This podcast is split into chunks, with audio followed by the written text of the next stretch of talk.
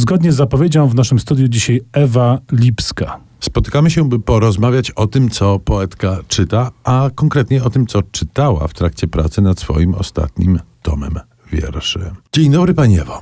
Dzień dobry Państwu. Dzień dobry. Jak to jest z tym czytaniem w trakcie trudnej pracy poetyckiej? No to jest różnie. Czasami się coś czyta, czasami nie. Yy, lektury są zadziwiające. Na przykład może to być równie dobrze instrukcja obsługi wyciskarki do owoców. Tak akurat ostatnio mi się zdarzyło. To Że wyciskałam sok z owoców i czytałam zdania typu nie kąpać się razem y, z wyciskarką, albo nie przegryzać kabla, albo przymocuj wy- wylot miąższu do części wyciskającej. No i to są takie smaczne metafory.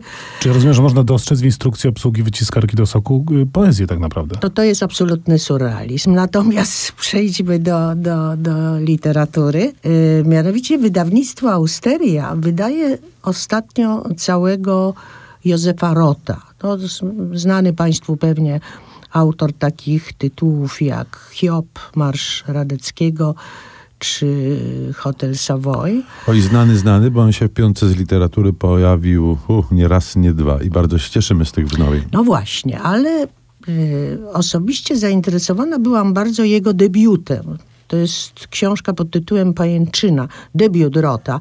Ta książka była drukowana w odcinkach w piśmie Die Arbeiter Zeitung w 23 roku, a wydana dopiero w 67. Ale po polsku rozumiem wydana dopiero Po teraz po raz polsku, pierwszy. dopiero teraz po raz pierwszy i w znakomitym zresztą tłumaczeniu pana Ryszarda Wojnakowskiego.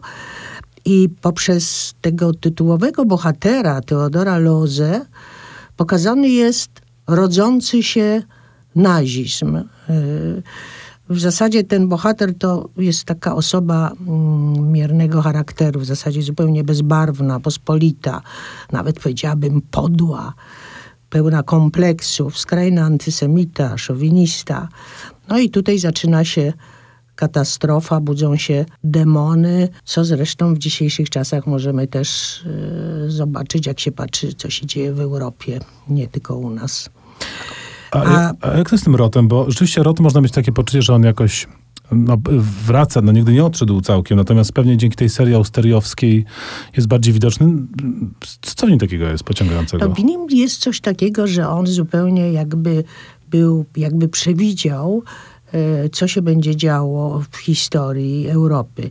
Bo e, warto na przykład zajrzeć do jego listów z Polski, bo chociaż pisane one były w latach 24-28, Tutaj dodam w tłumaczeniu Małgosi Łukasiewicz, bo to jest ważne, zapomina się często o tłumaczach, to te listy są wyjątkowe, wyjątkowo aktualne, zupełnie tak jakbyśmy czytali o obecnej e, Polsce. To jest, bardzo polecam Państwu te listy, ale też pojawiła się taka proza podróżna, takie poetyckie felietony z e, rok dzie- 1938.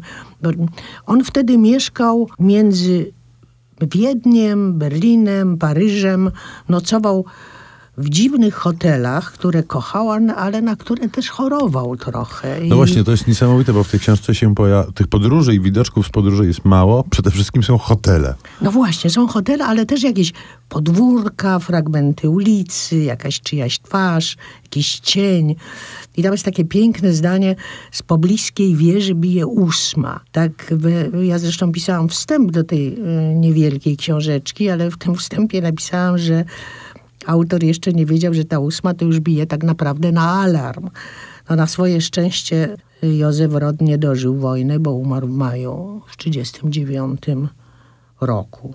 Tak, to rzeczywiście szczęście, że Józef Rot nie dożył wojny. My dożyjemy, mam nadzieję, drugiej części Piątki z literatury z Ewą e, Lipską. Dożył wojny też e, e, Krzysztof Kamil Baczyński, poeta wybitny, którego wiersz tak zinterpretowali Czesław Mozil i Mela Koteluk.